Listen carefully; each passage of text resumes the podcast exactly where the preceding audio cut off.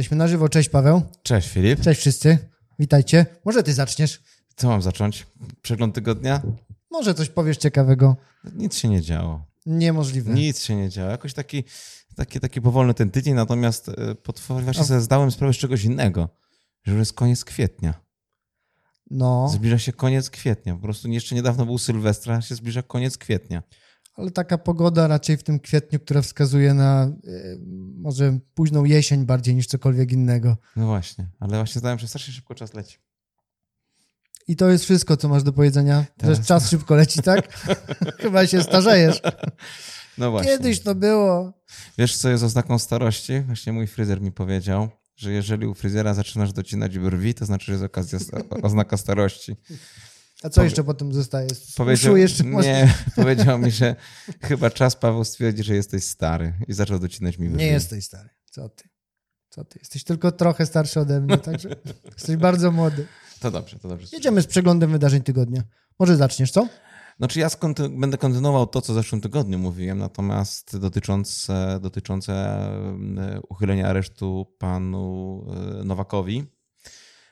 To już zupełnie straciłem z, z, radaru, e, zupełnie ta sprawa zeszła, mojego przynajmniej. No ale nie z prokuratury radaru, bo prokuratura no. złożyła właśnie zażalenie na tymczasowe aresztowanie. E, sugerując, że jest obawa e, ucieczki, ukrywania się pana e, Nowaka, w szczególności, że ma liczne kontakty zagraniczne, a grozi mu do 20 lat pozbawienia wolności. Jak czytałem ten artykuł dotyczący licznych kontaktów zagranicznych, czekałem, aż pan z ust pana prokuratora w tym artykule padnie, że zagraniczne u pana premiera Donalda Tuska. Że najprawdopodobniej tam będzie uciekał i tam się będzie ukrywał. No tylko tego brakowało. Dla mnie trochę. No, spodziewałeś się chyba, że.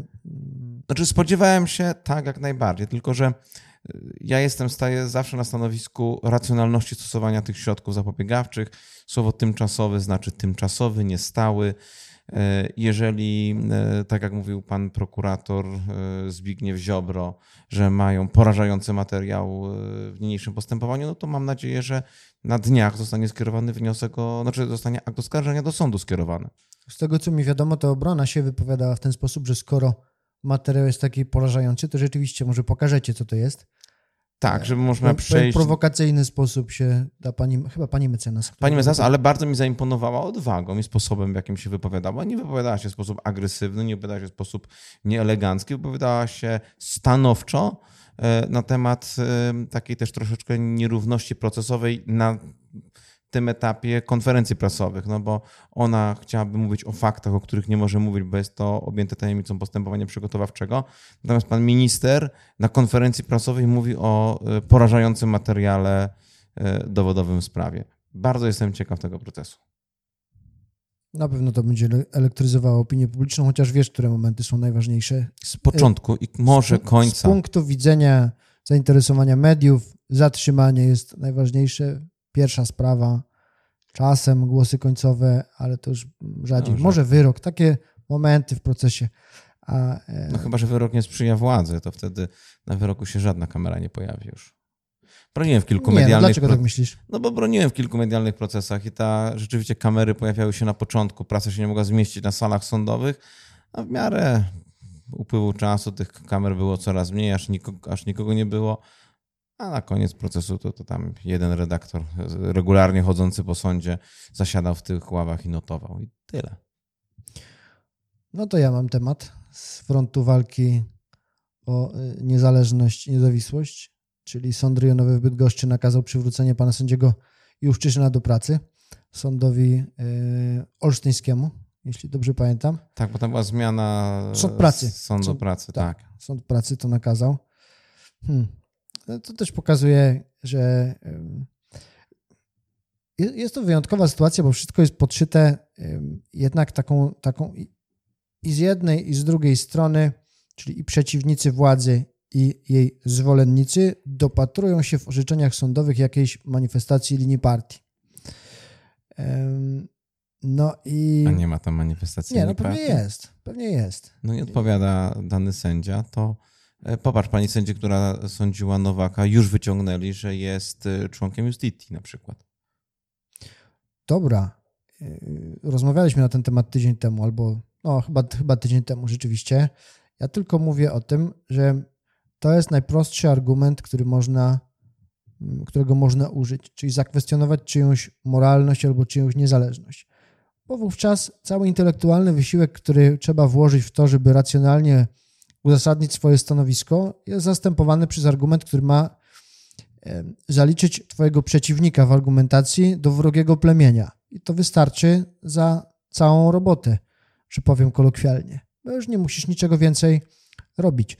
I jakkolwiek mnie się zdarza w mojej praktyce obserwować orzeczenia, z którymi ja się bardziej nie zgadzam niż te, które często komentujemy, a które są wydawane przez tych sprzyjających y, obecnej władzy sędziów czy obecne sądy, no to jednak ja też ulegam takiemu sposobowi myślenia, że ten, kto wydaje ten wyrok, będąc w pewnym sensie zaangażowany po drugiej stronie, jakby zakładam niesłuszność tego wyroku. Nie wiem, czy, czy też masz tego rodzaju, tego rodzaju y, przekonanie, zanim coś się stanie. No mamy temat, który dzisiaj będziemy poruszać w, w, w temacie odcinka, czyli kwestię wyroku Trybunału Konstytucyjnego i w sprawie Rzecznika Praw Obywatelskich. No, słyszysz to, jak on jest uzasadniany, ale też spodziewasz się pewnego rozstrzygnięcia i wiesz, czym ono będzie motywowane. Zakładasz to, że nie będzie to motywowane przesłankami merytorycznymi, nie? No właśnie. No i tu jest ten no to jest, cały... To jest wielki problem tego wszystkiego. No ale miejmy nadzieję, że pan sędzia Juszczyszyn, któremu w tej sprawie kibicuje, że wróci. Wróci?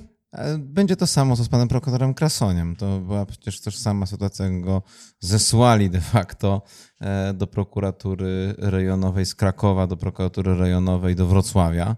Na raptem 300 kilometrów do pracy będziesz jeździł codziennie w te i we w te. E, myślę, że, że nie. Że go nie, nie dopuszczą do orzekania. No, no dobra, to dawaj następny temat. Co Dobrze. masz dla nas? Episkopat News i Twitter. Nawet nie wiedziałem, że episkopat jest na Twitterze, ale się dowiedziałem. To, to czy informacja mną wstrząsnęła. Wiesz dobrze o tym, że jestem praktykującym katolikiem, chodzącym do kościoła, yy, będącym w kościele, ale yy, no, to, co zrobił pan biskup Wrubel, dla mnie no, no, stanęły mi wszystkie włosy dęba na głowie. Stwierdził, że mm, szczepienie się przez katolika E, szczepionkami AstraZeneca i Johnson Johnson e, jest moralnie no, niedopuszczalne. No, przerażająca dla mnie informacja była. Zastanawiam się, czy nie jest aby pan biskup jakimś lobbystą szczepionek Pfizera. Pan biskup, to ciekawe. Tak, tak się, mówi? Nie, nie, no ksiądz biskup nie jest lobbystą e, szczepionek Pfizera, no bo e, problem był taki, że te szczepionki rzekomo, znaczy rzekomo, no troszkę nadinterpretacja moim zdaniem episkopatu miała być testowana na płodach abortowanych dzieci. Co do tego, to po części jest to prawda, bo mianowicie chodzi tutaj o komórki, które pochodzą z, e, abort, z abortowanych dzieci z lat 60. i 70. Więc podawanie też takiej informacji do opinii publicznej, że to było specjalnie dokonywane aborcji, żeby wytworzyć te, te szczepionki, jest po prostu nieprawdą.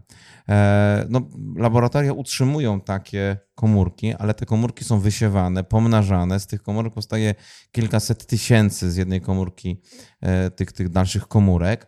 E, te linie e, komórek są utrzymywane przez poszczególne laboratoria, no ale one są o tyle przecież istotne, żeby sprawdzić, czy, czy, czy szczepionka wniknie do komórki ludzkiej przed podaniem ją e, człowiekowi, przed, przed testami takimi dalej posuniętymi, jak również potem, czy dokona się ta synteza tego białka w tej komórce. No inaczej się tego nie da zrobić. I tutaj trochę moim zdaniem zbyt daleko mm, poszedł nasz episkopat.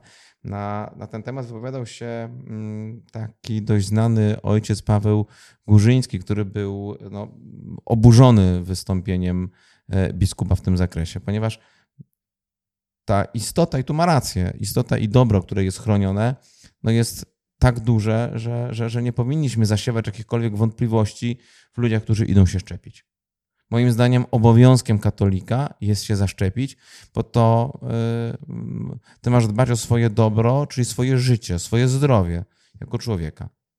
No i tutaj moim zdaniem episkopat swoim episkopat news na Twitterze poszedł za daleko.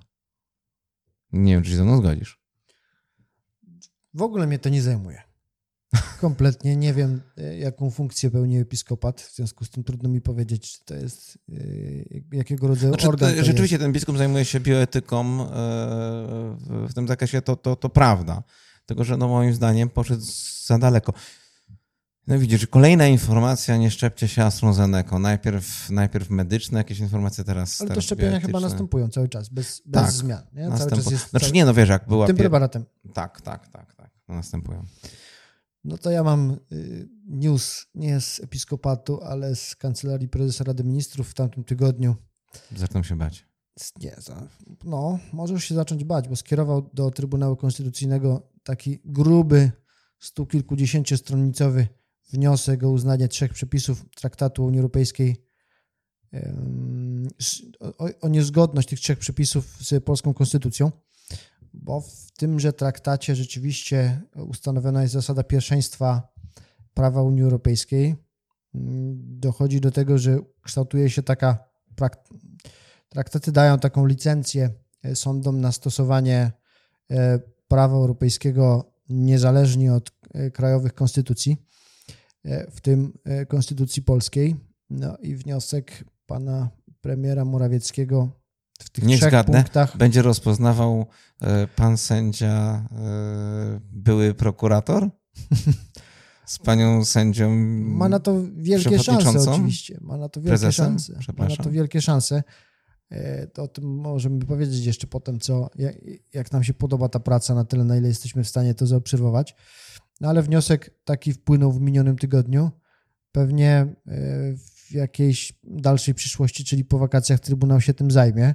Są takie głosy, że to jest jakiś krok do polexitu, ale no, ja bym nie popadał akurat w takie. Nie wierzyłbym akurat w to, natomiast. No, nie zmienia... Wierzysz w Trybunał Konstytucyjny, nie, że orzeknie racjonalnie, absolutnie. rozsądnie? Absolutnie. Absolutnie nie. Znaczy, myślę, że. Ale wiesz, ale zaraz, chwila, chwila, chwila, no Filip, ale oni podważają fundamenty Unii Europejskiej w tym momencie. Wiesz co? No wchodziliśmy do Unii Europejskiej, podpisywaliśmy traktat, e, zważaliśmy uwagę na zakres tych przepisów odnośnie porządku norm prawnych, norm... E... Wiecie co? Mamy informację, że czekamy też na YouTube, transmisja nie ruszyła na YouTubie. Także nie wiem, czy, nie wiem, czy mamy... Pewnie mamy jakieś kłopoty techniczne, zaraz zobaczymy, jak to wygląda.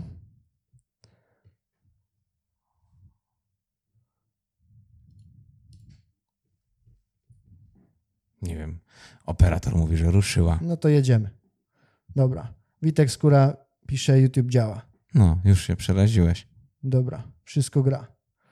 Okej, okay. no to jedziemy dalej w takim razie, ale dzięki za informację. Widzisz, a to, to jakaś ukryta opcja chcąca, chcąca polexitu może, słuchaj, żebyśmy na ten temat nie mówili, żeby wybić nas z rytmu, ale nie udało się. Nie udało się, wracamy do... Wracamy do tematu. Nie, ja cały czas uważam, że to, słuchaj, podważa fundamenty naszego członkostwa w Unii Europejskiej. Okej. Okay. E, uważam, że pierwszorzędne znaczenie... A ja w ogóle zgodnie z... powiedzieć traktat. Tak zgo... Nie, absolutnie nie. Nie, nie. nie do tego zmierzam ale jednak hierarchia aktów prawnych jest taka, że nasza konstytucja jest najwyższym prawem i tyle. To jest prawda, że nie można traktatowo narzucić nam rozwiązań innych niż te, na które pozwala polska konstytucja. Problem polega na tym, że ten trybunał jest taki powolny władzy. W mojej ocenie jest zawsze taka wątpliwość co do tego, czy tenże Trybunał będzie niezależnie strzegł zgodności innego prawa niż konstytucja z naszą konstytucją, czy też będzie wykonywał wolę polityczną. Uważam, że jak przy najlepszej woli oceny działalności Trybunału w obecnym kształcie, uważam, że nie było takiego Trybunału, od kiedy ja jestem na tyle świadomym obywatelem, żeby to jakoś tam ocenić, a zwłaszcza od kiedy jestem prawnikiem, nie było takiego Trybunału, który by w takim stopniu był podległy wobec władzy e, drugiej, trzeciej, no, czyli właściwie pierwszej i drugiej, czyli ustawodawczej i wykonawczej. No i tu jest większy problem, bo z tym, że prymat w Polsce ma polska konstytucja, to ja się w pełni zgadzam. Nie trzeba do tego trybunału tak naprawdę, bo to wprost wynika z naszej konstytucji. On niczego innego nie może stwierdzić. To co, stwierdzi nieważność tego artykułu drugiego? Nie wiem, co zrobi. Nie wiem, co zrobi. Zobaczymy. Strach się bać. Masz coś jeszcze? Tyle. Tyle. To ja mam jeszcze trzeci temat, ale szybki, a mianowicie, nie wiem, pamiętasz, jakiś czas temu była taka historia, że e, y, sędziowie trzech starych izb Sądu Najwyższego, e, kolegium Sądu Najwyższego, albo było to może zarządzenie pani prezes e, Gersdorf, odebrała wszystkie sprawy dotyczące dyscyplinarek e, sędziów, przekazała Izbie Dyscyplinarnej, czyli tej nowo powołanej, wszystkie przekazała do Izby Pracy i Izby Karnej. E, I teraz w związku, w związku z orzeczeniem Trybunału Sprawiedliwości Unii Europejskiej mamy takie żądanie kolegium sędziów Sądu Najwyższego, tych trzech izb, aby, to jest taka jednozdaniowa uchwała na stronie Sądu Najwyższego, aby nie przekazywać spraw właśnie dyscyplinarnych sędziów do tej nowej izby, tylko wszystkie przekazywać do pozostałych izb, no bo to rodzi ryzyko nieważności postępowania, to już domyślę. No tak. Postępowania będą nieważne i, i, no, mając na uwadze tak. orzeczenie TSUE, no to jest bardzo racjonalna linia, tak. którą, którą jest ta uchwała podjęta. Ciekaw jestem, ilu było... No tu akurat jesteśmy, y, nasz sąd jest zdecydowanie autonomiczny wobec tych, tego, co sobie no. TSUE tam pisze, więc to też, to też pokazuje powagę tego, całej tej sytuacji. No ale no zaczyna być, znaczy wiesz, jest niby komicznie, ale to jest przerażające e, w świetle tego naszego nowego tematu tygodnia dotyczącego Rzecznika Praw Obywatelskich, że a to będziemy o tym jeszcze mówić. Będziemy. To jest jeszcze temat, który, który możemy poruszyć z różnych stron i ze strony tego, jak rzecznik będzie funkcjonował i jak ten wyrok, czy w ogóle on jest słuszny, moim zdaniem, bo to też, jest, to też nie jest takie oczywiste. A to niespodzianka. To niespodzianka, nie? To niespodzianka. Dobra, skoro nie masz innych tematów w, w przeglądzie wydarzeń, to może powiedziałbyś naszym drogim widzom i słuchaczom coś na temat tymczasowego aresztowania, a konkretnie na temat tego, w jaki sposób rodzina może pomóc osobie tymczasowo aresztowanej. To był zapowiadany e, w opisach e, segment Wiedz to, więc oddaję Ci głos. I ja się wyłączam na chwilę, wychodzę.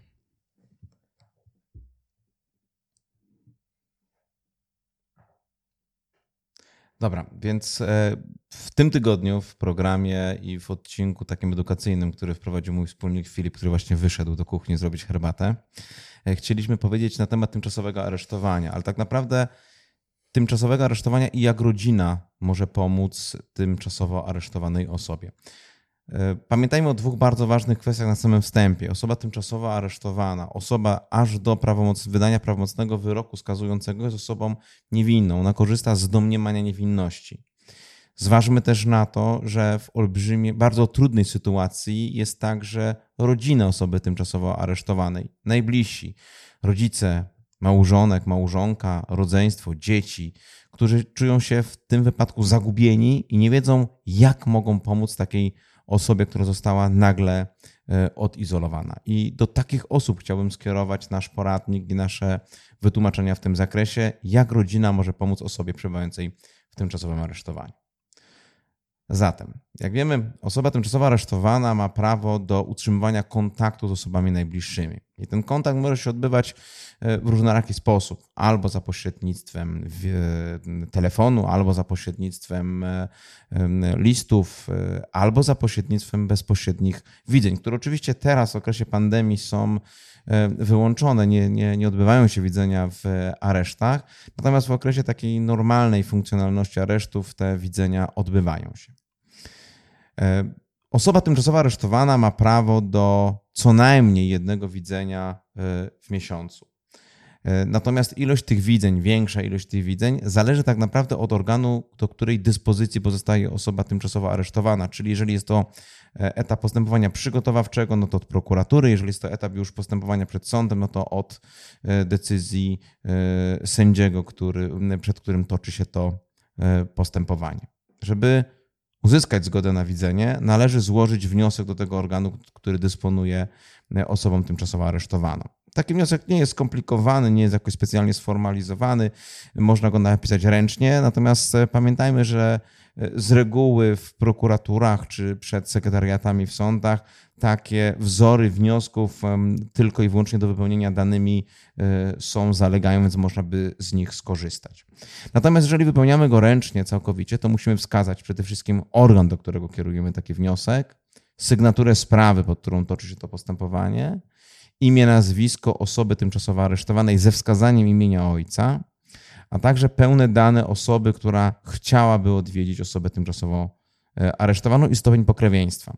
Pełne dane to nie mówię tylko o podaniu imienia i nazwiska, ale także PESEL, adres zamieszkania, a także numer, serię i numer dowodu, do, dokumentu tożsamości, na podstawie którego będziemy następnie mm, wchodzić do e, aresztu. Jeżeli udało się nam już uzyskać postanowienie w przedmiocie zgody na widzenie, to musimy następnie ustalić e, na terenie zakładu karnego, tudzież aresztu śledczego, e, w jakie dni, w jakich godzinach odbywają się e, widzenia. To nie jest takie same w każdym areszcie, więc tutaj trzeba to weryfikować bezpośrednio na stronie internetowej aresztu lub próbować dodzwonić do takiego aresztu celem ustalenia telefonicznie, kiedy widzenia z tymczasowo aresztowanymi odbywają się. Każdy areszt tak naprawdę ma inne reguły realizowania takich widzeń. Jeżeli chodzi o widzenia z osobami małoletnimi, to pamiętajmy jedną bardzo ważną zasadę. Osoba do 15 roku życia musi wchodzić na takie widzenia z osobą pełnoletnią, opiekunem lub osobą, pod której opiekę e, została ona e, przekazana. Pamiętajmy też, że zarówno zgodę na widzenie musi posiadać opiekun, jak i osoba e, małoletnia. W skrajnych wypadkach, jeżeli oczywiście nie ma możliwości, żeby ktoś e, z e, osobą niepełnoletnią poniżej 15 roku życia e, udał się do aresztu śledczego, to w wyjątkowych wypadkach można korzystać z pomocy funkcjonariusza służby więziennej wyznaczonego przez dyrektora zakładu karnego. Rozmowy telefoniczne jest to kolejna forma kontaktu osoby tymczasowo aresztowanej z rodziną. E, od kilku lat została ona dopiero wprowadzona. E, żeby uzyskać e, możliwość kontaktowania się z osobą tymczasowo aresztowaną, tylko pamiętajmy, ten telefon będzie wykonywany od osoby tymczasowo aresztowanej do osoby przebywającej na wolności. Jest to możliwe dopiero po złożeniu wniosku do tego organu dysponującego, również ze wskazaniem wszystkich danych z numerem telefonu i danych osoby, stopnia pokrewieństwa, do której osoba tymczasowo aresztowana miałaby się kontaktować. I tutaj też każdy areszt śledczy ma swoje reguły w, w, zgodach na e, telefon, bo jeżeli taka zgoda już dojdzie do aresztu śledczego, to regulamin wewnętrzny aresztu śledczego określa, ile razy e, w ciągu tygodnia można wykonywać takie połączenia. Rzeczywiście z reguły jest tak, iż te połączenia można wykonywać raz dziennie, a długość takiego połączenia może wynosić 5 minut. E, w szczególnych wypadkach, to się pisze wniosek do dyrektora, taka rozmowa może trwać dłużej niż 5 minut minut. Następne, bardzo istotne, to jest tak zwana wypiska, czyli tak naprawdę pieniądze, które osoba tymczasowo aresztowana ma prawo dysponować dokonywać zakupów na terenie zakładu karnego potrzebnych dla siebie środków, czy to środków higieny osobistej, czy to e, środków jakichś spożywczych, czy wody, cukru, tytoniu e, i innych potrzebnych mu e, produktów. Wypiskę wpłacamy na konto wskazane na stronie internetowej aresztu śledczego. Pamiętajmy jednak, że część tej wypiski zawsze do uzyskania odpowiedniej, zebrania odpowiedniej kwoty będzie przekazywana do tak zwanej żelaznej kasy. A mianowicie reguła jest taka: połowa kwoty wpłaconej na wypiskę osobie tymczasowo aresztowanej, ale nie więcej niż 280 zł, przekazywane jest na żelazną kasę. Jest, są to pieniądze, które mają potem służyć osobie tymczasowo aresztowanej, która opuszcza areszt, na powrót do domu. Te pieniądze oczywiście są jej zwracane w całości z tej żelaznej kasy i one mają służyć za powrót e, do domu. Żelazna kasa jest pełna w momencie, gdy osoba tymczasowo aresztowana zbierze tę kwotę 2800 zł, a osoba pozbawiona wolności 5400 zł. Po zebraniu tej kwoty w żelaznej e, kasie całość wypiski przekazywana jest tymczasowo aresztowanemu. Tak jak powiedziałem na początku, pamiętajmy o tym, że połowa wypiski jest e, przekazywana do tej żelaznej kasy nie więcej niż 280 zł. Czyli z technicznego punktu widzenia lepiej jest przekazać osobie tymczasowo aresztowanej jednokrotnie wyższą kwotę w wysokości np. 1000 zł, niż dokonywać 10 wpłat po 100 zł. Bo do żelaznej kasy w takim wypadku jest 280 zł wpłacane, a jeżeli byśmy wpłacali 10 razy po 100 zł, no to 500 zł do tej żelaznej kasy jest przekazywane. Wysyłanie listów to jest kolejna możliwość komunikacji pomiędzy osobą tymczasowo aresztowaną a osobami pozostającymi na wolności. Pamiętajmy tu jednak, że z osobą tymczasowo aresztowaną ta cała korespondencja podlega cenzurze, czy to przez prokuratura, prokuratora, czy przez sąd. To znaczy jest po prostu czytana i rzeczy, które mogą dotyczyć informacji postępowania, e, są po prostu cenzurowane, a czasami cała korespondencja zatrzymywana e, przez organ nadzorujący. Jeżeli chodzi o wysyłanie paczek.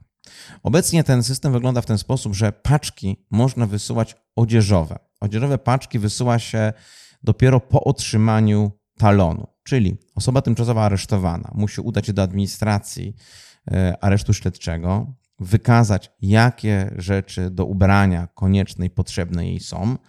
E, otrzymuje w tym zakresie tak zwany talon, czyli wykaz dokładnie tych rzeczy, które mm, może otrzymać w zakładzie karnym. Następnie ten talon należy przekazać e, osobie na wolności i osoba na wolności, przygotowując paczkę na przykład odzieżową, e, wraz z tym talonem dostarcza ją do zakładu karnego. Kiedyś były paczki żywnościowe. Przygotowało się jedzenie i wysyłało się takie paczki do aresztu śledczego. Teraz robi się to w zupełnie inny sposób, mianowicie wpłaca się pieniądze na paczkę żywnościową na jeszcze inne konto e, do aresztu śledczego i osoba tymczasowo aresztowana dzięki tym dodatkowym pieniądzom może dokonywać zakupu żywności na terenie aresztu śledczego. Pamiętajmy o tym, że wszystkie przydatne informacje, które są dla osoby e, tymczasowo aresztowanej i rodziny, znajdziemy na stronie e, internetowej służby e, więziennej. Tam znajdziemy również ważne, istotne telefony, jak i wszystkie informacje dotyczące regulaminów konkretnego aresztu śledczego. Dziękuję. Tyle w temacie tymczasowego aresztowania. Wyczerpałem temat, myślisz? Brawo, Paweł. Myślę, że wszystko jasne. Wyczerpałem wszystko temat? Jasne. Tak. Mogę iść siedzieć już teraz. Nie, nie boję nie, się, rodzina nie pomoże. Rodzina ci pomoże, tak. Znaczy, to jest nieprawdopodobnie ciężki okres dla tej rodziny, więc... No tym... jasne, pomijając kwestię tego, że e, winy i niewinności, tego, że ta osoba jest chroniona jednak domniemaniem niewinności, nie można zakładać, że jest winna, to oprócz tego osoby, które, osoby najbliższe najczęściej nie mają z tym nic wspólnego i, i cierpią je tak jak naj... osoby współzależnione. Tak. I są zagubione w tym temacie, Oczywiście. jak mogą pomóc. To jest przerwanie więzi rodzinnych nawet dużo bardziej dotkliwe niż sama kara pozbawienia wolności, bo tak. jednak izolowanie idzie znacznie dalej. Znaczy, zwłaszcza na przykład uwagę, wrócę do pana E, Nowaka, który, którego więź został zupełnie przerwany na 7 miesięcy, bo jak wiemy, nie ma możliwości widzeń obecnie w okresie epidemii, a e, prokuratura wyraziła zgodę na kontakt telefoniczny z żoną dopiero po upływie 7 miesięcy. No więc to są naprawdę bardzo trudne sytuacje dla całej rodziny. Okej. Okay. No to co, do tematu tygodnia? Tak, ale już przechodzimy do tematu tygodnia, ale Karol Maźnicki pisze, że wszystko chodzi nawet w NYC, także pozdrawiamy widzów w Nowym Jorku. o, popatrz, nie wiedziałem. Ciekaw jestem, która godzina tam jest. Czy po nocach jest pierwsza? Jest ta pierwsza, to jest, nie wiem, chyba 6 godzin różnicy, nie? Aha. Chyba tak. To w ciągu dnia. Tak, tak, w ciągu dnia. Przechodzimy w takim razie do tematu tygodnia. Zapowiesz temat wyroku Trybunału Konstytucyjnego i tego, jaki ma to wpływ na Rzecznika Praw Obywatelskich? Znaczy, z Rzecznika Obywatelskich za trzy miesiące może nie być. To jest najważniejsze. No o co tu chodzi? E, mianowicie został skierowany e, wniosek do, przez grupę posłów do Trybunału Konstytucyjnego o zbadanie zgodności z konstytucją e, dwóch artykułów ustawy o Rzeczniku Praw Obywatelskich, a mianowicie o jego kadencyjności. E, Konstytucja zapisuje, że kadencja rzecznika praw obywatelskich trwa 5 lat, natomiast e, w ustawie o Rzeczniku Praw Obywatelskich jest wskazane, że pełnią swoją funkcję e, aż do czasu wyboru nowego rzecznika przez Sejm. I tu był. Objęcie stanowiska. Objęcie stanowiska, jest... przepraszam bardzo, objęcie stanowiska przez nowego rzecznika. I tu jest pies pogrzebany, bo cała partia rządząca tupała nogami, się denerwowała, że pan Bodnar dalej przybywa, jest tym rzecznikiem praw obywatelskich, mimo przecież upływu kadencji, która trwa 5 lat. Czyli no, konstytucja zabrania mu pełnienia tej funkcji. No dobra, ale to jeszcze wróćmy do tego, co, co stwierdził. No i co stwierdził Trybunał, Trybunał Konstytucyjny stwierdził niezgodność tych zapisów ustawy o E, Rzeczniku Praw Obywatelskich z konstytucją, właśnie z tym, między innymi z tym przepisem dotyczącym e, długości e, kadencji, z tym, że dał takie, nazwijmy to, wakacje legislacyjne, wakacje legis tego przepisu trzy miesiące. Czyli jeszcze trzy miesiące de facto ten rzecznik ma prawo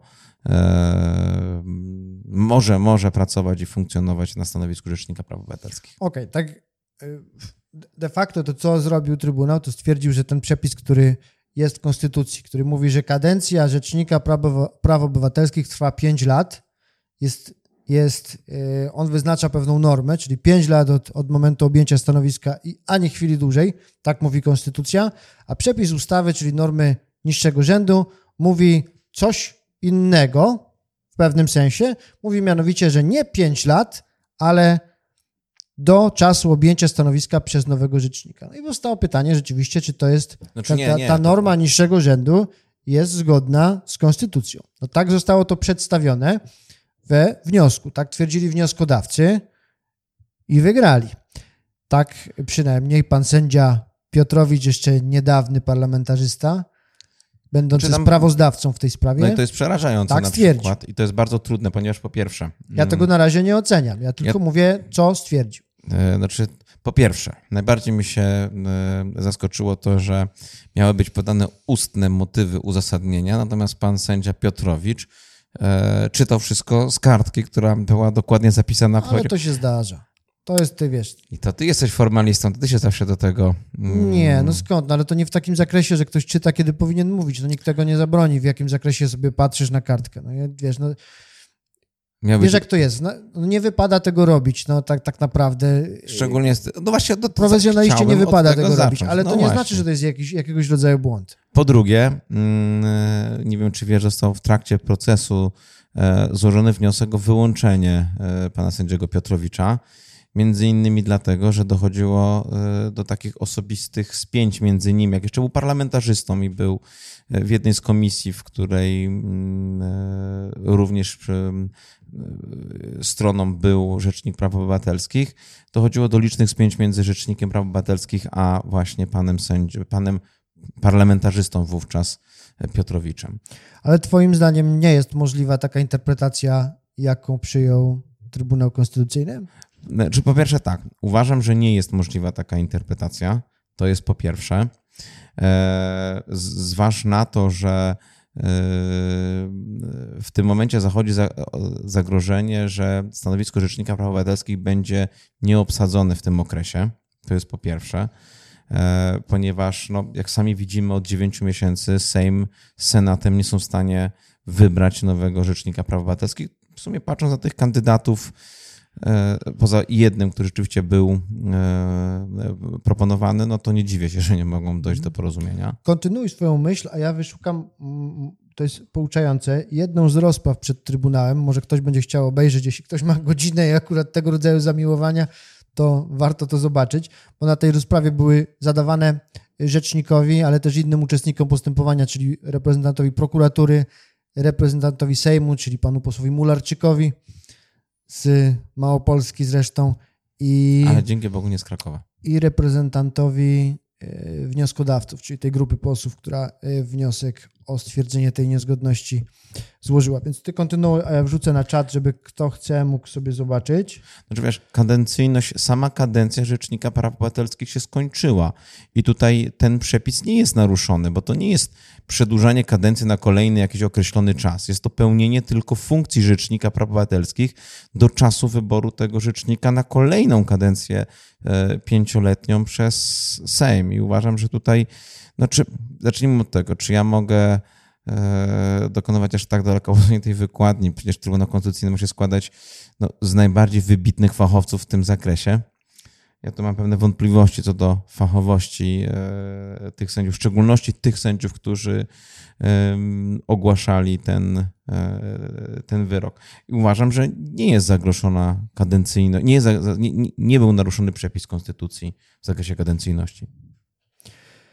Ja uważam, że wyrok jest nietrafny, ale uważam, uważam, że ta sprawa wcale nie jest taka prosta, bo tam jest tego rodzaju kwestia, gdzie uważam, że mm, dochodziło do sytuacji, które się normalnie w sądzie nie zdarzają i należałoby oczekiwać, że takie instytucje jak Sąd Najwyższy albo Trybunał Konstytucyjny będą wyznaczać standard nie tylko co do tego, jakie, jaka jest treść orzeczenia, ale także co do tego, jak osoby, które procedują, czy uczestnicy tego postępowania, czy e, sąd, czy trybunał, przepraszam, się zachowuje.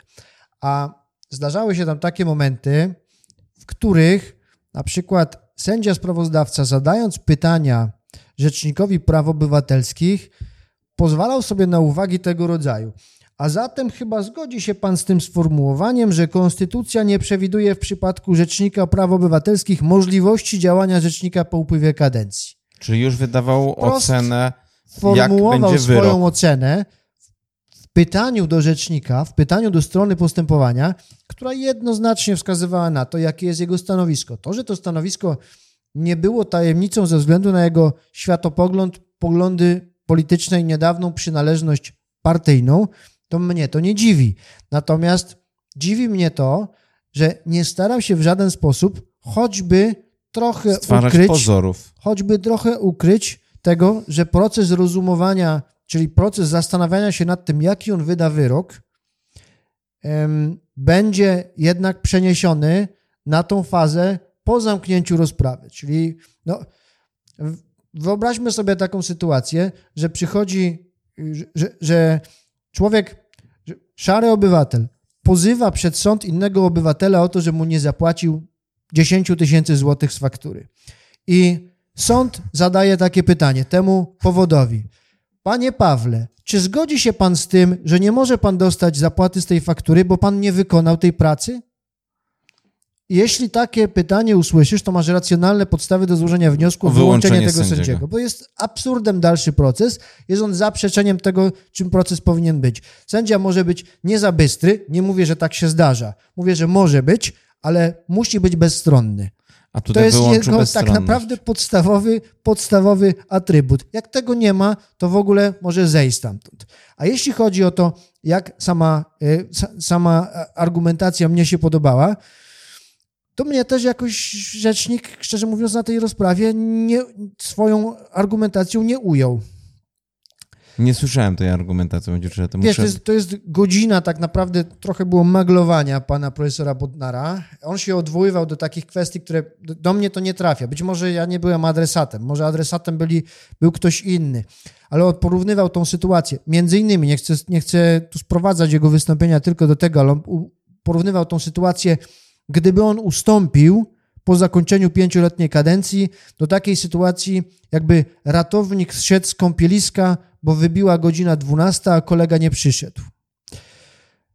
Wiesz, ja bym nie użył w sądzie rejonowym w Myślenicach tego rodzaju argumentu. No tu się zgadzam. A co dopiero w, w, w, Trybunale w, Trybunale Konstytucyjnym. Ale to już jest kwestia być może pewnej estetyki argumentacji. Być może do tego jestem, mam zbyt sztywny styl argumentacyjny. Wcale nie wykluczam, że tak jest i może należałoby bardziej, wiesz, jakoś wzbogacać tą wypowiedź. No. Ale to kompletnie do mnie nie trafia. Jeśli w takim miejscu, nie wyobrażam sobie tego w trakcie, nie wiem, przesłuchania w kongresie, nie wyobrażam sobie tego w trakcie wystąpienia w, w, amerykańskim Sądzie Najwyższym. Po prostu wydaje mi się, że tam poziom byłby nieosiągalny dla uczestników tego, tej dyskusji. Absolutnie znaczy... nie chcę porównywać ich ze sobą, ja tylko mówię, już patrzysz na to trochę jak na teatr. Patrzysz na najwyższą instancję sądową, masz pewne oczekiwania. Oglądasz to i sobie myślisz, ten standard jest nie, nie, nietrzymany, ten standard jest nietrzymany tutaj się ktoś jąka, tutaj ktoś opowiada, dobra, nie będę, bo tam nie wszyscy uczestnicy wyrazili takie stanowisko, które myślę, że byli z tego dumni. E, nie, niektórzy nie byli do końca pewni tego, a chyba, a może... Znaczy no. wiesz co, no, zacznijmy od tego, czy może taka argumentacja tego trafiała do tych sędziów, to inna nie była w stanie przebić ich, ich pułapu po, po, po pojmowania. Witek, kocham Myślenicę, to nie, mia nie miałem nic złego na myśli, bo Witek pisze w Myślenicach. to tak moja babka, babcia pocha I sąd też. I sąd w Myślenicach też. też. Tak, tak, zgadza się. Ale może to poziom argumentacji był zrównany do poziomu tego Trybunału Konstytucyjnego, co jest smutne. Co jest część, smutne tak naprawdę. E, część pytań była sugerująca, część pytań była sugerująca nie w tym sensie, że sugerowała odpowiedź, ale sugerowała bardzo dobitnie stanowisko pytającego, ale jak patrzysz na treść przepisów i jeden mówi, kadencja trwa 5 lat, a drugi niższego rzędu, który porównujesz z tym, kadencja trwa 5 lat, mówi nie 5 lat, ale do objęcia przez kogoś nowego, no to masz prawo zasadnie zapytać, czy ten przepis, który mówi do objęcia przez kogoś nowego, jest zgodny z tym, który mówi przez 5 lat od objęcia. No nie no uważasz, dobrze, że ale... można zadać takie pytanie? Po prostu Zga... można Dobra, postawić okay, takie... Są się. argumenty, Tylko... które mogą, mogą um, przemawiać za taką tezą, że to jest zgodne. Tylko to nie jest tak, że to pytanie jest całkiem głupie. No dobrze, tylko w, oczywiście zgadzam się z Tobą, ale nie w tych okolicznościach i nie w tym czasie i nie przy tym rządzie i nie przy tym Rzeczniku Praw Obywatelskich. Od tego zacznijmy. Bo to, zobacz, to jest jeden z ostatnich organów, tak naprawdę niezależnych od y, rządzących, ostatni organ, który, y, który, który, który jest samodzielny tak naprawdę.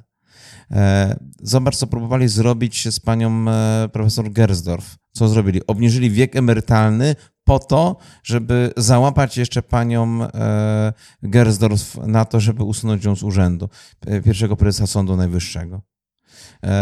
Teraz próbują wmontować do Trybunału, do, na, na funkcję Rzecznika Praw Obywatelskich parlamentarzystę no włos mi się jeży znowu na głowie, bo osoba, która jest stricte związana z partią rządzącą, parlamentarzysta, który wprost stwierdził w ostatnich wypowiedzi, że on nie zrzeknie się na razie mandatu, póki nie zostanie wybrany, ponieważ byłoby to nieracjonalne, bo e, od lat e, nastu związany jest z Prawem i Sprawiedliwością.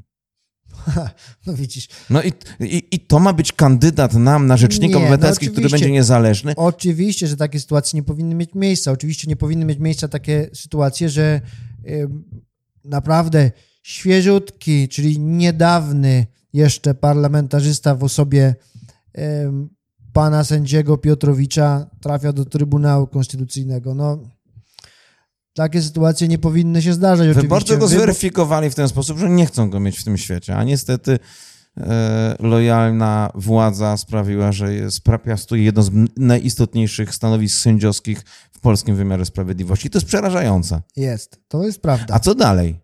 Filip, a co dalej z tą okay. sprawą?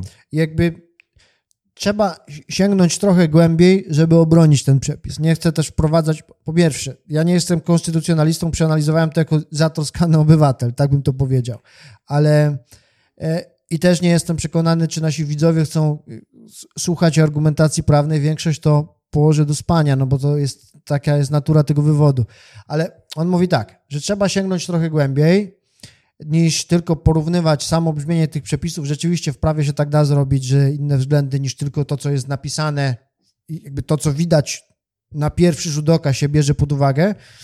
No i on mówi, że, że, że on bronił takiej tezy, że um, nie może, po pierwsze, że to jest niezgodne z polską tradycją konstytucyjną że polska tradycja konstytucyjna, poza przypadkiem pana doktora Kochanowskiego, który tragicznie zginął w katastrofie smoleńskiej, nie miała takiego przypadku, żeby rzecznik przez pięć lat urzędował i nie przedłużył swojej kadencji w tym trybie uznanym za sprzeczny z konstytucją. Dlatego, że taka jest istota i nigdy to nie było kwestionowane. Nigdy to nie było też kwestionowane przy okazji prezesa NIK, Najwyższej Izby Kontroli, który bardzo podobnie jest ukształtowany. Tak, tak samo i prezesa NBP. W obu przypadkach jest 6 lat i w obu przypadkach jest mowa w ustawach o tym, czyli 6 lat w Konstytucji, hmm. a ustawa mówi do czasu objęcia stanowiska przez nowego. I to jest, I nikt tego nie kwestionował. I to jest rzecz, którą, przepraszam, wejdę ci w słowo jedno, ale to jest właśnie, był jeden z argumentów, który chciałem po, po, podać, że do poprzedniej wypowiedzi, w tym wypadku, zobacz, w tym wypadku grupa pozwów zatroskanych zwróciła się tylko i wyłącznie o Rzecznika Praw Obywatelskich. Nagle Teraz A gdzie, dlaczego w tym wniosku nie zamieścili właśnie to, co ty mówisz, e, dotyczącej NIK-u i dotyczącej NBP? No i to jest dowód na to, że to jest instrumentalne wykorzystanie e, e, tej instytucji Trybunału Konstytucyjnego.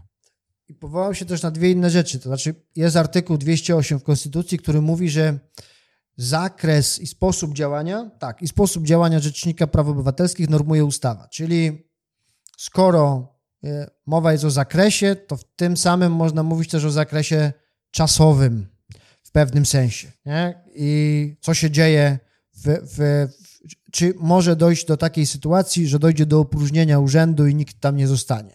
Otóż nie może, a to dlatego, że e, to jest zbyt ważna funkcja, to znaczy rzecznik jest powołany do ochrony praw i wolności obywatelskich i praw i wolności człowieka i w związku z tym nie może e, opróżnić tego urzędu, byłoby to niezgodne z pryncypami moralnymi, ale też prawnymi i w związku z tym należy przyjąć, że powinien kontynuować i ta, i, i, a z kolei, że ustawa ma o tyle prawo do tego, że ustawodawca ma prawo o tyle wprowadzić taki przepis, który jest trochę, no brzmi jednak inaczej niż przepis konstytucji. No tego się nie da, nie da się zaprzeczyć temu, że konstytucja mówi 5 lat, a ustawa mówi nie, że 5 lat, tylko wypowiada się na temat okresu pełnienia funkcji poprzez nie y, termin liczbowy, tylko przez odniesienie się do pewnego momentu, czyli objęcia stanowiska przez nowego. No jest to trochę inne ujęcie tej sprawy. Pytanie brzmi, czy to jest uzasadnione.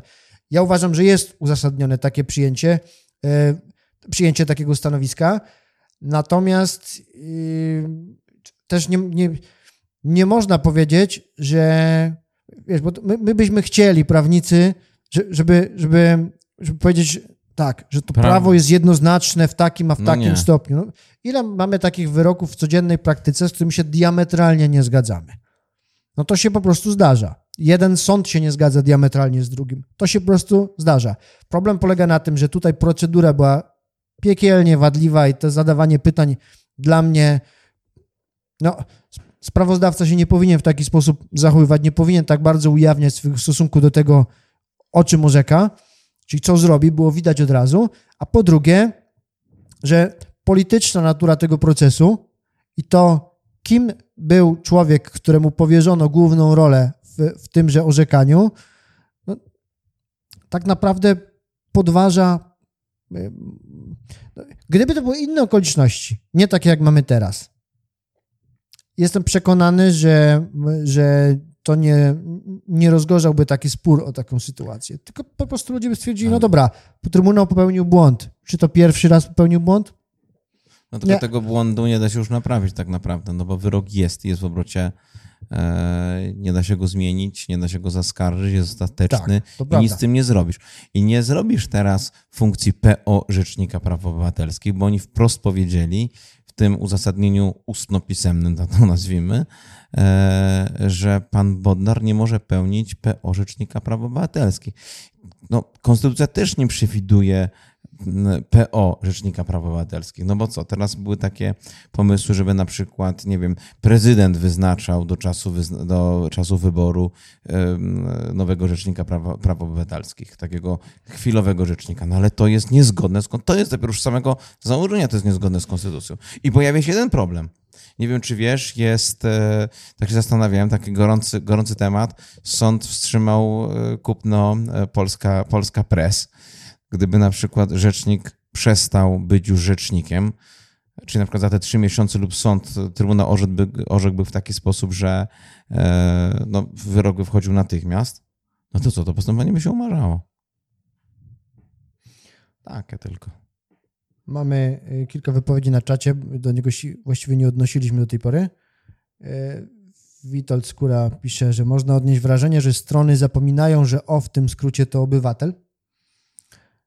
To no to prawda. Po całego tego sporu. Znaczy, natomiast ja bardzo Witka e, odwołuję do niesłych, jakby tak, jakby miał niskie ciśnienie, się źle czuł, to proponuję, żeby sobie odsłuchał wypowiedź pana e, sędziego Piotrowicza, uzasadnienie ustne, e, naprawdę podnosi ciśnienie. podniosło ci Strasznie. Prowadziłem samochód, spieszyłem się, byłem spóźniony na rozprawę przez góry i musiałem słuchać pana Piotrowicza. W tym nie było wnikliwości oczywiście, ale i to nie było takie orzeczenie, pod którym można by się było podpisać. Ono było takie powierzchowne, bo na przykład, ale zawierało trafne tezy, które jednak nie zamykają całej argumentacji. Bo na przykład mówił tak, że czytował jakiś, jakąś klasyczną pracę z dziedziny konstytucjonalizmu, i, i, w której było napisane coś takiego, że kadencyjność władzy jest jedynym, mm, jedynym środkiem, jedyną gwarancją dla narodu, że ta władza będzie jakoś poddana jego kontroli, czyli mm, jakoś będzie ograniczona. No bo mija ten okres, w którym władza jest sprawowana przez konkretny podmiot, osobę czy grupę ludzi i jeżeli ten termin mija, a oni cały czas pełnią swoją funkcję, to znaczy, że robią to wbrew uprawnieniom. Czytował taki, taką pracę. To jest rzeczywiście rzecz klasyczna. Tylko, że no, brakło w mojej ocenie takiej wnikliwości i czegoś, co prawnicy nazywają wykładnią funkcjonalną, czyli nie tylko tego, co jest napisane w, w, jak obaj wiemy, z jednego przepisu, który mieści się na jednej linijce, ludzie piszą doktoraty. To prawda. To w związku prawda. z tym wiele da się wyczytać czasem z jednej normy prawnej. Więc zabrakło trochę rzeczywiście wniknięcia w to, po co ta instytucja jest i orzeczenie będzie bardziej szkodliwe niż, yy, niż przyniesie korzyści. Mamy dalej jakąś wypowiedź? Mamy. Wacław Wojciech jest zdania, że trzeba zmienić ustawę o rzeczniku, a wcześniej pisze, panie Pawle, proszę nie uprawiać polityki. Przed chwilą była mowa o bezstronności. Znaczy, ale to wcześniejsza to, wypowiedź. Tak, bez względu jak, ale po prostu ja jestem przerażony tym, jak to się teraz dzieje i w jaki sposób są zawłaszczane po prostu poszczególne organy. I tylko o to mi chodzi. Nie miałbym żadnych zastrzeżeń do władz, gdyby nie było to robione tendencyjnie, a właśnie pokazując, że wniosek grupy posłów był skierowany li tylko i wyłącznie przeciwko rzecznikowi, a nie tak naprawdę, gdyby to rzeczywiście chcieli rozwiać swoje wątpliwości, to by zapytali właśnie i o prezesa NBP, i o NIK, i o RPO. No, sytuacja była rzeczywiście bardzo porównywalna tych trzech, tych trzech organów i nie ma to jest identyczna wbrew tak, pozorom. Nie ma wątpliwości. Jasne, Więc o to mi chodzi, tak. że tu chodzi mi o tendencyjność po prostu. Witek nie jest pod specjalnie dobrym wrażeniem pana sędziego Piotrowicza. Twierdzi, że odrzuca już samą aparycję, choć w zasadzie lubi wąsy. Pozostajemy z komentarzem. No to dobra. Chcesz jeszcze opowiedzieć coś na temat na temat tego, Nie. na temat tego co, co teraz będzie? Znaczy, będzie duży problem, ponieważ wątpię, żeby Senat zgodził się na pana e, w, posła Wróblewskiego i to kategorycznie. Wiesz, jaka tam jest zagrywka? Tam jest zagrywka taka, że on powiedział, że, że weźmie pana posła Ikonowicza, byłego posła, nie? Tak. Ale i, i chyba w ten sposób chce sobie kupić głosy lewicy. To już sobie politykujemy teraz, ale, ale tak naprawdę to chyba, chyba taka jest intencja. Znaczy, wiem, żeby, że już żeby zapewnić pana, tam więcej, większy pluralizm. E, pana senatora Lewickiego zapewnił sobie. Tak, A to, tak znaczy, już głos, się znają, się to... wypowiadał, wypowiadał się pan senator, że będzie głosował za tą kandydaturą. Czyli jest w miarę równo. No, o... w miarę, może być w miarę równo. No tak, może być 50-50. No to zobaczymy, co będzie. Czy uda się tą kandydaturę przeforsować. No nie jest to dobra sytuacja, że, że ktoś taki, kto ma być jakimś bezpiecznikiem systemu i w razie czego ma być takim super adwokatem, bo to trochę o to chodzi. Jak popatrzysz na te uprawnienia, to on ma to, co my, tylko do kwadratu. A poza tym widziałeś... Plus ma, wiesz, ma, ma budżet, nie? Ma ludzi. Ma... ilość tych postępowań, tak, które tak. skarg, to się rocznie łączy w 7, około 70 tysięcy tych skargi skierowanych do nich. Wiesz, to nie jest przypadek, że my tak często nawiązujemy do jego pracy, a to z tej przyczyny, że on po prostu bardzo często robi na większą skalę to, co adwokaci robią w swoich kancelariach na co dzień. Oczywiście są pewne różnice, natomiast, natomiast w dużym stopniu są to podobne funkcje, przynajmniej w niektórych postępowaniach. A pamiętasz pracę pana z rzecznika Kochanowskiego? Jego kadencję? Nie, czy w ogóle pamiętasz, jakie miał interwencje? Jakich? Znaczy pamiętam, ja pamiętam jedną rzecz, że on, y, że on był właśnie taki bardzo bezstronny i potrafił wszystkie strony, rzeczywiście występował w obronie obywatela. Taką, y, bardzo ciekawą opinię o nim czytałem kiedyś, e, taką rozprawę, można by powiedzieć, na jego temat, jego kaden- przebiegu jego kadencji i obiecałem sobie, że do końca kwietnia przeanalizuję te sprawy, które prowadził w tamtym okresie. Myślę, że ty wiesz, bo ty dużo wiesz. Nie, nie wiem nic na temat, no, ale wiem niewiele. Nie mam takiego porównania, mówiąc szczerze. Prawda jest też, prawda jest taka, że samo prowadzenie tego programu powoduje, że jesteśmy dużo bardziej na bieżąco tak. z tym, co się dzieje, dlatego że jednak musisz to przeprocesować, co się dzieje. Zwykle jest tak, że coś gdzieś przeczytasz i to jakoś tam umyka, e, chyba że coś ci się przydaje w pracy, albo czytasz coś na, na potrzeby e, zawodowe. No, tak. Natomiast jeśli to jest gdzieś tam z boku, no to się tym nie zajmowaliśmy w taki stop, takim stopniu jak teraz. Ale to też jest jakieś doświadczenie, które, które no, mnie się to podoba. Tak. Jeszcze jest jedna rzecz, o której, o której chcę powiedzieć, już nie rozwijając za bardzo konkretnego, kolejnego wątku. Też niespecjalnie mi się podobał taki, taki argument, którego pan profesor Bodnar używał na rozprawie. On mówił, jak to jest w innych krajach. To się nijak ma do konstytucyjności tego przepisu. Bo on to się zgadzam. Bo on mówił o tym, że wiele instytucji w krajach czy Europy Środkowej, czy nawet poza Europą Środkową jest ukształtowanych na wzór naszego rzecznika. Mówił o Łotwie, mówił o Ukrainie, mówił o Serbii, mówił o Republice Czeskiej. E, mówił o tym, że to w ten sposób ukształtowano na nasz wzór. E, a nasz z kolei, dla nas pierwowzorem był z kolei rzecznik czes, przepraszam, szwedzki. W każdym razie mówił o tym, jak to się ma do, do, do te, że te inne wzorce są w innych krajach, że, że jak to wygląda, jakby próbował jakoś pokazać w ten sposób, że to miałoby mieć wpływ na, to, na to rozstrzygnięcie, ale tak naprawdę no to uważam, że było sława, wkład. No to niepotrzebne. No, niepotrzebne. niepotrzebne. A było dużo rzeczy do powiedzenia tak naprawdę.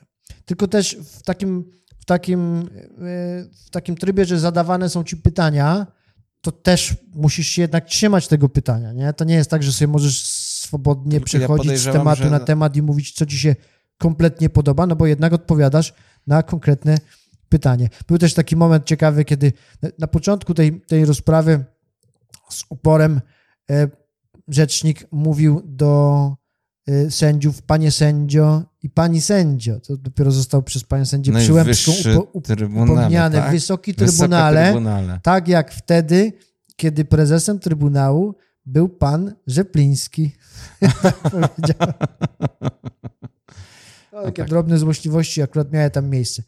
Ale tak jako, jako adwokat, ale szary obywatel, muszę ci powiedzieć, jako uczestnik tysięcy, no tysięcy nie wiem, no nie chcę powiedzieć, ale no myślę, że, że grubo kilku... ponad tysiąca y, rozpraw sądowych, procesów sądowych, więc rozpraw pewnie więcej to szczerze mnie ten poziom jakoś nie zachwycił w tej rozprawie w Trybunale. No, to prawda, to prawda, to prawda, to prawda. Ale przekonałeś całą. Ale co? Przesłuchałeś całą rozprawę? Dwie trzecie przesłuchałem, e, ale bo to było kilka rozpraw. Słuchałem też tego uzasadnienia ustnego. Nic specjalnego. Nic no specjalnego. Właśnie. Można to było zrobić dużo lepiej. Tak przynajmniej widziałem dużo lepsze orzeczenia i dużo lepsze uzasadnienia w znacznie mniej ważnych sprawach. Takie bardziej wnikliwe. No ale cóż. Może to nam co? jeszcze trochę brakuje. Za tydzień. Co za tydzień? Jakąś niespodziankę przygotujesz? No słuchajcie, próbujemy z tym gościem. E, może się nam to uda wreszcie. Może nie jesteśmy, nie jesteśmy atrakcyjni, nie chcą przychodzić. No, to musisz ty zapraszać. Ja zaproszę. To ty będziesz robił lajkę, ja będę zapraszał gości. Tak, ja sobie będę siedział gdzieś tam sobie usiądę i za waszymi plecami. Jakoś to zrobimy. A może będziemy, może to będzie w ogóle zdalnie. Zobaczymy. Kolejna. To już Dobra. nasz, nasz, nasz wypostudio musiałby 11 monitor Kończymy. Zamontować. Zapraszasz jak zwykle, prosisz o lajki. Mówisz coś jeszcze? Dziękuję bardzo za obecność w tym tygodniu. Zapraszamy za tydzień. Będzie jeszcze ciekawiej. Dziękujemy Wam bardzo. Do następnego poniedziałku. Cześć.